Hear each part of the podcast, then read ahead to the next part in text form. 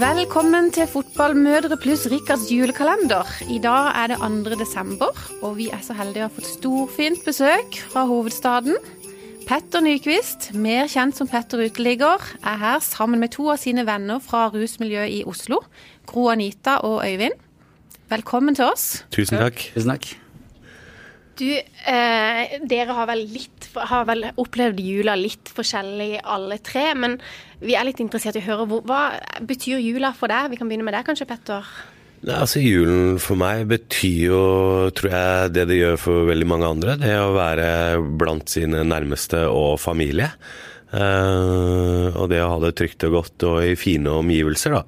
Uh, altså, med det legger jeg det i det trygge, da. Um, så jeg er veldig opptatt av at mine barn og familie får en så fin og behagelig jul med julekalender og se på julefilmer og kanskje dra ut og hogge et juletre og det ene og det andre. Det som liksom Ja, jeg tror de fleste forbinder med jul, da. Men så har jeg et annet forhold til jula nå, selvfølgelig etter eh, jeg bodde på gata, og den perioden der, for da fikk det en litt annen mening. fordi da er det jo opplevde jeg jo folk som uh, kanskje ikke hadde noen å dra til. Mm. Eller uh, noen som ønsket å komme hjem, men som ikke klarte det. Og noen som uh, rett og slett ikke brydde seg om jula. Noen som jula betydde alt for. Så det er veldig sånn uh, todelt det der, for min del. Altså jeg blir veldig bevisst på det selv. Og jeg tilbrakte min julaften jeg var ute på gata på det som heter Alternativ jul. Som er et uh, arrangement for de som faller utenfor en sånn tradisjonell familiejul. Uh, I miljøet på gata, eller folk som er alene, som er på Folkets hus i Oslo hvert år. Det er den 51. gangen det blir arrangert i år. Er det sånn sted alle kan komme? Der kan alle komme, ja. Så det er nærmere 3000 mennesker som er innom i løpet av tre dager. Over 800 frivillige. Um, så det sier kanskje litt om uh, at det behovet er uh, veldig viktig, da. Mm. så, men der uh, feira jeg julen min med flere av de jeg hadde blitt kjent med når jeg bodde på gata. Og etter det så har jeg jo vært der hvert eneste år. Så etter jeg har feira julen min med familien, så ved sånn 10-11-tida så drar jeg hjemmefra, og så drar jeg inn dit. Og så er jeg der til sju om morgenen eller noe sånn eh, første juledag, da. Så det har jeg gjort hvert år, så det blir femte gangen jeg er der når jeg drar i år. Så det gleder jeg meg veldig til. Sånn, eh, da treffer jeg jo mange av de jeg har blitt kjent med, folk fra miljøet, og det setter jeg veldig stor pris på. Mm. Mm. Men hva med deg, Grånita, hvordan, for, hvordan forholder du til jula? Eh, jeg har et litt kan jeg kalle det litt sånn anstrengt forhold til jula, eller at jeg ikke har noe spesielt forhold til jula. Rett og slett fordi at uh, jeg husker egentlig ikke så mye i den fra jeg var 20, da. Uh, og nå er jeg 31. Uh, eh, så har jeg egentlig vært ut og inn av fengsel. og psykiatri, og jeg har blitt kasta ut av boligen min, så jeg har også vært ute. Uh, husker første juledag. Jeg har et bilde med hunden min på, på kamera på, som jeg tok som selfie. da. Sittende ute og var veldig sliten og lurte på hvor jeg, hvor jeg skulle gjøre, meg. Har ikke sted å være? Nei. Så jeg er litt sånn ambivalent, selv om det, jeg, det er koselig. Men, eh, og jeg har jo hatt det veldig koselig som barn. Ja, for da har du på en måte opplevd jula sånn som kanskje veldig mange tenker, med tradisjoner og de tingene der? Ja, og da har vi liksom feira med familien og hatt det kjempekoselig, da. Eh, men så begynte ting å forandre seg lite grann. Men har du vært mye ensom i jula i de årene som du du ikke husker så mye til, kanskje? Ja, altså er man i fengselet, ensom eller ikke, sitter man på isolasjon, så er man jo litt enslig. Så ja, det er litt både og, da. Og så syns jeg det blir veldig anstrengt i vår familie, for det, vært, det er jo selvfølgelig preget mamma og pappa. Mm. Men sånn som um, jula i år, har du noen planer for den nå? Nei, jeg tar egentlig dagene som det kommer, jeg. Mm. Og så gleder jeg meg egentlig bare til det blir nyttår og nytt år. nytt år og nye muligheter. Mm. mm. Men når du har sittet i fengsel og sånn, da, eh, blir, det, tenker du mer over jula da, eller om, enn om du hadde vært hjemme og bare ikke vært sammen med familien? Jeg vil si at det egentlig det var bedre på jula i fengselet i gåsetegn. da. Ja. Fordi at det, eh, det går jo så mye sånn TV-program. Eh, så du slipper å sitte og zappe hele tiden på, på TV-en. Det går alltid noe sånn koselig som du kan sitte og se på, og det, da får du dagen til å gå. Da. Mm. Så Men ja. Både vært uh, ute aleine, inne og psykiatrien og ja. Men jeg har også et veldig bra forhold, som sagt. Uh, fra jeg var liten av. Men hvis du, sånn som du sier, du har vært ute alene, vet ikke om du har gått i gatene eller sånn, har du liksom gått forbi eh, leilighet og hus hvor folk har hatt familie og sett inn og bare kjent at uff. Eller åssen har det Jeg har jo gjort det, men jeg har ikke tenkt noe sånn spesielt over det. For da var situasjonen min sånn at da hadde jeg nettopp blitt kastet, Lille julaften ble jeg kasta ut i, av leiligheten jeg bodde i da. Så var det egentlig det Jeg var på busstasjonen i Lillestrøm, for det er der jeg er fra. Eh, og så tenkte jeg hvor skal jeg gjøre av meg? Og det endte jo med at jeg måtte man har jo alltid en sofa og et eller annet man kan låne, da. Så jeg fikk jo det. Men det er ikke absolutt der man vil være og liksom dra med seg alle tingene sine, eller det man har, da, også bikkjene. Nei. Du fikk en Post-It-lapp du, som hang på døra di den gangen. Stemmer. Med den utkastelsen. Det var ganske spesielt. Det husker jeg så. Tok Ja. bilde av det. Altså det å få den meldingen på lille julaften. Jeg husker ikke akkurat hva det sto, men det var bare Det en var i hvert fall ikke god jul. Nei. Nei. Det, det var liksom at Det var en Post-It-lapp liksom fra Kommunen kommunen. og de som kaster ut. Og så lille julaften. Ja. Det er ganske Det er spesielt. Og da var det rett ut fra eh, Da hadde jeg vært rusrelatert psykose. Mm. Eh, så jeg kom rett ut derifra, og så ble jeg kasta ut eh, rett etter jeg kom hjem. ja, For du hadde en egen leilighet som du Jeg er en kommunal. kommunal Ja. Men jeg vet et sted du skal være i jula, da. Ja, og det har jeg jo fått eh, Jeg er blitt invitert opp til hytta til Petter og dem. Eh, noe som jeg setter veldig stor pris på. Så eh, det gleder jeg meg til. Det blir i hvert fall et par dager der, og det blir Ja. koselig. Men hva med deg, da? Og hvordan har eh, Hva slags forhold har du til jula? Ja, egentlig så har jeg vokst opp med veldig fin familie. Så vi har jo alltid hatt veldig fine juler. Men så kom vi til rundt 2011, så nei, 2010 var det vel, så skilte mutter'n og fatter'n seg. Og da var det jo mye jul sammen med fatter'n fordi han var sjuk. Jeg flytta hjem igjen til han for å passe på han. Og han passa på meg, for jeg har jo drevet på med rusmidler i 25 år. Det var mye, var mye clinch mellom meg og moren min. Okay. Vi var veldig annerledes. Da har det ofte blitt til at jeg har hatt i hvert fall par-tre juler som jeg har sittet helt aleine, da. Som jeg har hatt, hatt bikkja mi, da. Og du har vært helt mutters alene? Ja. Og da har det vært når jeg da, som du spurte om, eh, jeg spurte Gro Anita om hun, om hun har gått forbi noen vinduer og sånn. Og da merka jeg når jeg var på tur med bikkjene, og så uh, la merke til julestemninga andre steder og sånn.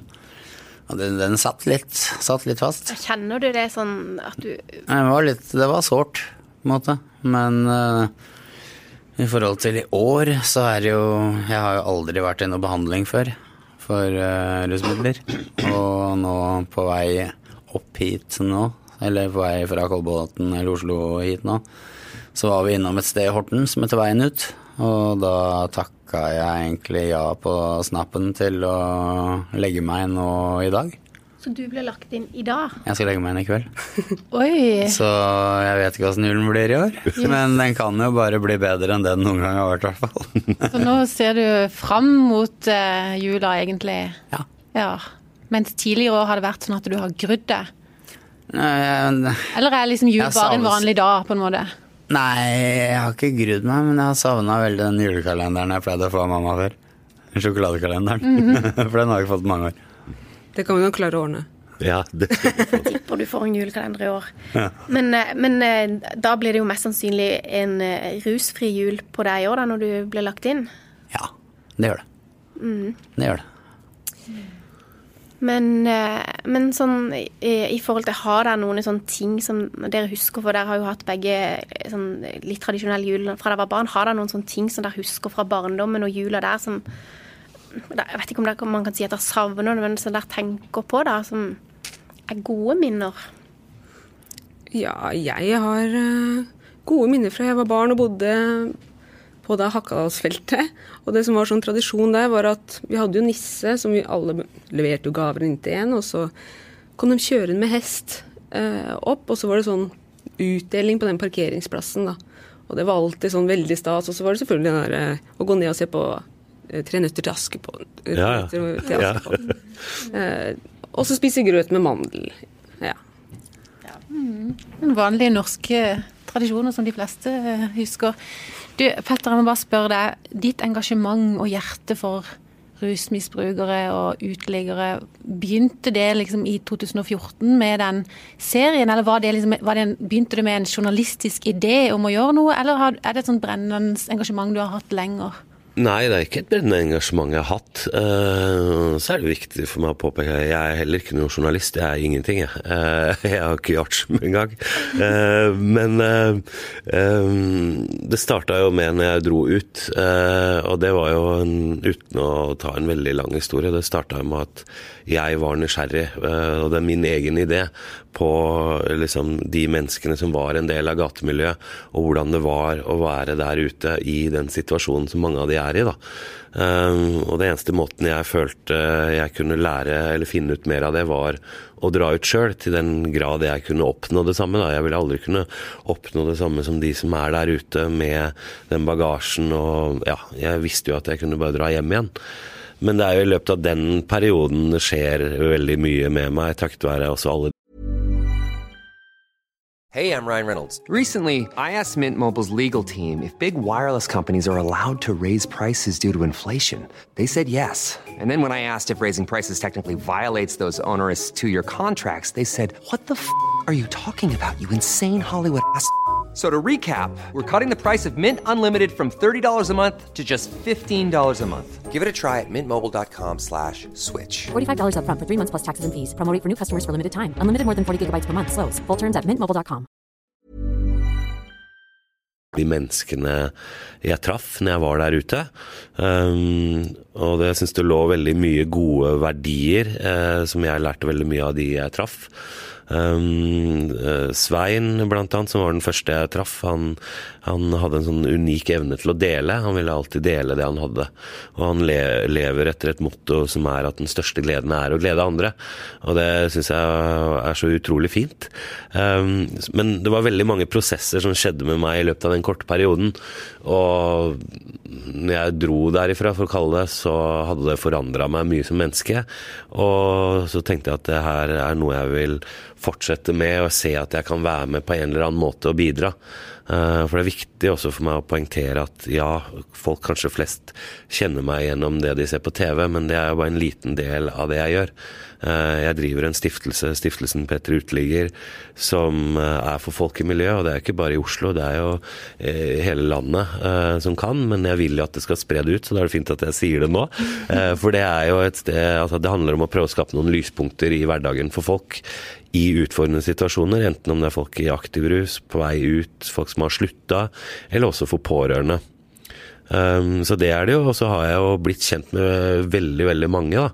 Det begynner å bli noen hundre, og så er det noen jeg har selvfølgelig tettere bånd til enn andre. Uh, og så henger jeg jo mye sammen med folk i miljøet, og Gro har jo endt opp å bli en av mine beste venninner. Uh, og vi kjente hverandre, ja, litt over to år siden så kjente vi hverandre ikke. Og Øyvind har jeg blitt kjent med etter hvert, ikke sant. Og det er jo det å uh, finne på ting og gjøre ting sånn som nå på den lille roadtripen vi er på nå, som er litt sånn kombinert av flere ting. Jeg skal holde noen foredrag, at vi er innom her, at uh, innom Stormberg. Um, veien ut, som Øyvind fortalte om. ikke sant? Og det å komme seg litt vekk, da, det vet jeg både med Øyvind og med Gro, at bare det å komme seg litt vekk fra hverdagen innimellom betyr mye. Og Ok, Øyvind, du har kommet veldig langt og nå valgt at du skal på behandling, ikke sant? Mens, men du sitter mye alene. Ja. Det har du jo snakket om, og sammen med Gro også. Hun har slutta å ruse seg for er det halvannet år siden? da, snart. Ett og et halvt år. Det gikk plutselig jævlig fort. Ja, en og en dag gikk veldig Ja. fort plutselig. Men fortsatt er det jo perioder eh, som Gro isolerer seg, ikke sant? hvor det er andre ting og det psykiske som spiller inn, som blir mye hjemme. Men det å kunne da ta med folk, så ser jeg jo det både for meg sjøl og ha med de sammen med meg nå. Jeg, jeg har det kjempegøy. Vi satt jo oppe til halv fire i natt ikke sant? Eh, og prata gata. Så det er liksom, eh, Og så ser jeg også at det gleder de å komme seg litt vekk og gi litt ny boost og motivasjon. Og så treffer vi nye mennesker, så får man nye ideer og innspill. Så det ja, jeg rodde meg litt vekk fra spørsmålet ditt, men eh, engasjementet mitt er i hvert fall sterkt. da, Og jeg kjenner mange og prøver å være med og bidra litt her og der eh, med folk jeg kjenner i ny og ne. Så det, blir en sånn, det har jo blitt en sånn lidenskap og livsstil, da, rett og slett. Så det dukka jo da først opp etter, eller mens jeg var på gata. Men jeg har lyst til å spørre deg, Gro Anita, for um, jeg så bare en episode eller et eller annet du har lagt uh, hvor det sto at du var ganske skeptisk når du først skulle møte Petter. Men det er du jo ikke nå. Nå har dere blitt så gode venner. Kan du fortelle litt om hva han har betydd for deg og ditt? Petter har betydd veldig mye. Eh, og jeg skrev vel en melding til deg også i forhold til det første møtet at uh, jeg var egentlig fra å gå til psykolog til psykolog eh, og ikke ha noe sånn spesielt god eh, relasjon til andre folk, da. Så valgte jeg plutselig å åpne meg opp veldig fort, selv om han da, eh, i den episoden med pårørende, eh, tuslet inn med et kamera og var helt ukjent. Så, men det er det som er så rart. Man bare kjenner på energi når man ser Når man blir møtt, da. Og ikke av en sånn ovenifra ned-holdning, men på mitt nivå, og så vil lære meg å kjenne. Finne den som egentlig jeg alltid har vært, da. Men tok det lang tid på noe før dere connecta så bra? Nei, det syns jeg ikke. Nei, det gikk veldig fort. Det var jo den eh, meldingen du sendte som var liksom Jeg tror da hadde vi møttes to ganger, eller om det var tre. Og da var det Jeg tror det var via moren din. Jeg tror ikke du sendte den direkte til meg. Kan hende jeg sendte den til mamma. Ja, du sendte den til videre, moren din, og så sendte moren din til meg. Og der sto det veldig merkelig at jeg klarte å åpne opp så mye uh, for eh, en jeg egentlig ikke kjenner. Det har jeg aldri gjort tidligere de siste ti årene. Uh, og du har prata med noen folk, så det er veldig interessant, da. Uh, men jeg ble jo selvfølgelig veldig glad når jeg fikk den meldingen, men også syns jeg det var eh, litt frustrerende i den grad at jeg tenker at eh, Sånn som jeg har lært å kjenne Gro, at eh, hun var jo egentlig bare på jakt til å bli møtt kanskje som den hun er av de alle de hun har pratet med tidligere, da, om det er psykologer, ruskonsulenter, boveileder, gud veit hva det har vært. Og så har, hun, har det tatt ti år før at plutselig en sånn ting skulle oppstå. Det, er- det syns jeg er egentlig litt trist, da. Ikke sant? Det, der, eh, det husker jeg du sa, det er stor forskjell på å bli prata til eller å bli prata med, da. Så Du, Ja. altså, tida flyr. Vi kunne jo sittet her og snakka med dere i timevis. Det er jo så spennende. Så Jeg må skyte inn én ting, da. Ja. Som jeg er veldig opptatt av, og det er eh, Jula er en veldig fin tid, selvfølgelig. uh, og, men det skjer noe med alle mennesker, og det kommer en viss omsorg inn. Vi får veldig, veldig mye omsorg i jula. Um, og det kan være både positivt og negativt, i hvert fall for de som kanskje er i utfordrende situasjoner.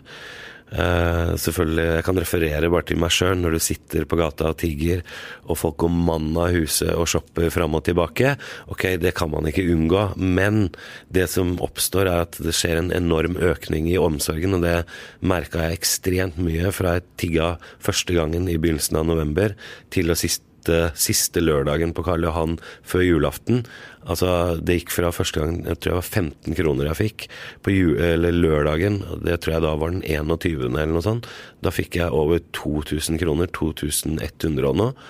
Og i tillegg så blir du kasta Nå overdriver jeg litt. Kasta dunjakkeretter, skjerf, julekalendere, kjærligheter. Folk vil bare overøse deg. Og det er veldig fint, men så skjer det noe, og det er gjennomgang som alle sier i miljøet, i hvert fall som jeg har prata med, det er at med en gang julaften starter, eller den siste dagen det er åpent i butikkene, boom, så går det rett fra å være helt på topp med omsorg til at det er helt i bunn. Og da kommer det en utrolig vanskelig periode for de som er der ute, fordi resten av det som er igjen av desember og januar, da har vi brukt opp omsorgen vår. Så da bryr vi oss ikke på samme måte lenger. Så det er litt opptatt av at hvis folk kan klare å fordele den omsorgen utover hele året Det er hyggelig at folk bryr seg ekstra i jula, men eh, det trenger ikke å være i de enorme gradene. da. Ikke sant? At eh, det kommer en vanskelig tid for folk i miljøet når det er påske f.eks., eller når det er sommerferie. Så vi må ikke bruke bare omsorgen vår i, i, i jula, vi må spre den utover hele året. Det var en kjempebra oppfordring. Skal vi si det er Ja. juleønsket ditt for, eh, Ja. For i år, at folk eh, fortsetter å vise omsorg gjennom hele året. Mm. Du Øyvind, masse lykke til med behandlinga som begynner eh, fra og med i kveld. Ja. Ja. Det kommer til å gå bra. Deg, har det vært, Var det vanskelig altså, Har du hatt lyst til det lenge, eller var det vanskelig å takke ja? Eller? Um, jeg la ut en, en video på Facebook i dag hvor de filma meg faktisk rett etter jeg fikk spørsmålet. OK. Um, jeg har hatt lyst til det lenge, men det som er så morsomt, er at veien ut, det er det, ene, det er det eneste stedet jeg noen gang har ringt til selv. Men den gangen øh, jeg gjorde det, så hadde jeg hund, så da gikk det ikke. Men nå var, var det vel egentlig ikke så vanskelig. Jeg hadde av en eller annen rar grunn pakka litt mer øh, med meg enn det jeg egentlig trengte, så kanskje underbevisstheten min visste at det her kommer det til å skje noe. Så jeg svarte vel ja i løpet av ett et minutt stoppen tok det. Ja, det føles som en evighet. Dere var med? Ja, vi, han Ja. satt jo helt og Du så, kunne lese på han at det liksom var sånn der litt ambivalent. Man hadde så lyst, men det var et eller annet som måtte Ja. Og så plutselig Mange ting, ikke sant. Hva med leiligheten min, hva med Ja, ja, ja. etc. Og nå pusten. vi, Jeg trodde vi skulle dra alle Vi dro jo alle tre sammen, at vi skulle dra alle tre sammen tilbake, men nå blir det jo én mindre innen vi er hjemme igjen. Men Var det bare tilfeldig at dere eh, poppa innom der, og så Nei, det er ikke tilfeldig at vi dro innom der, men det var mer tilfeldig at det tilbudet kom. Men, og det er viktig å poengtere. Det her er unntak av alle unntak, fordi jeg har aldri vært borti noen sted som, uh, hvor du kan si at har du lyst til å komme inn? De får jo ikke noe bidrag fra staten eller noe, så de bare de tar inn folk. Så? Vanligvis er dette en prosess som kan ta et halvt år. Og motivasjon for folk i miljøet er ferskvare. Uh, og er du motivert nå og du får beskjed at ja, det er ventetid på et halvt år, så kan det skje det kan, Bare på en uke kan det skje enormt mye. Så det at du kommer inn når du er motivert nå, det er veldig unntaket. Og det Jeg har ikke hørt om andre i det hele tatt enn veien ut som gjør det. Og det er jo det som er det bra. For om hadde det vært tre måneder siden, så kanskje Øyvind hadde vært et helt annet sted, og da hadde han kanskje ikke villet. Men nå har han jo valgt det sjøl. Det er ingen andre som har prakka det på deg. Egen vilje. Og dere to, da, hvis dere skulle ønske dere en ting for denne jula, har dere noe ønske? Oi. Det er vanskelig. Eller? Det er mest at folk skal ta bedre vare på hverandre, egentlig. Eh, titte litt til sida og legge merke til åssen personen ved siden av seg har det. Eller den du går forbi. Som Petter sa også. At det er mange som sitter der som ikke blir lagt merke til. Eh, både i Oslo og sikkert her i Kristiansand. Mm. overalt. Er du enig i det, Granita? Jeg, jeg er veldig enig i det. Og så tenker jeg at uh, man kan huske på i hvert fall gi en ekstra klem, eller også til familie også, da. Kanskje si litt ekstra Ja, jeg er glad i deg. Og huske på de som står deg nær, da. Være litt ekstra rause. Mm. Skal vi si at det var siste på oss? Tusen takk for at dere tok deg tid til å komme innom. Veldig hyggelig. Takk for God oss. jul. God jul. God jul.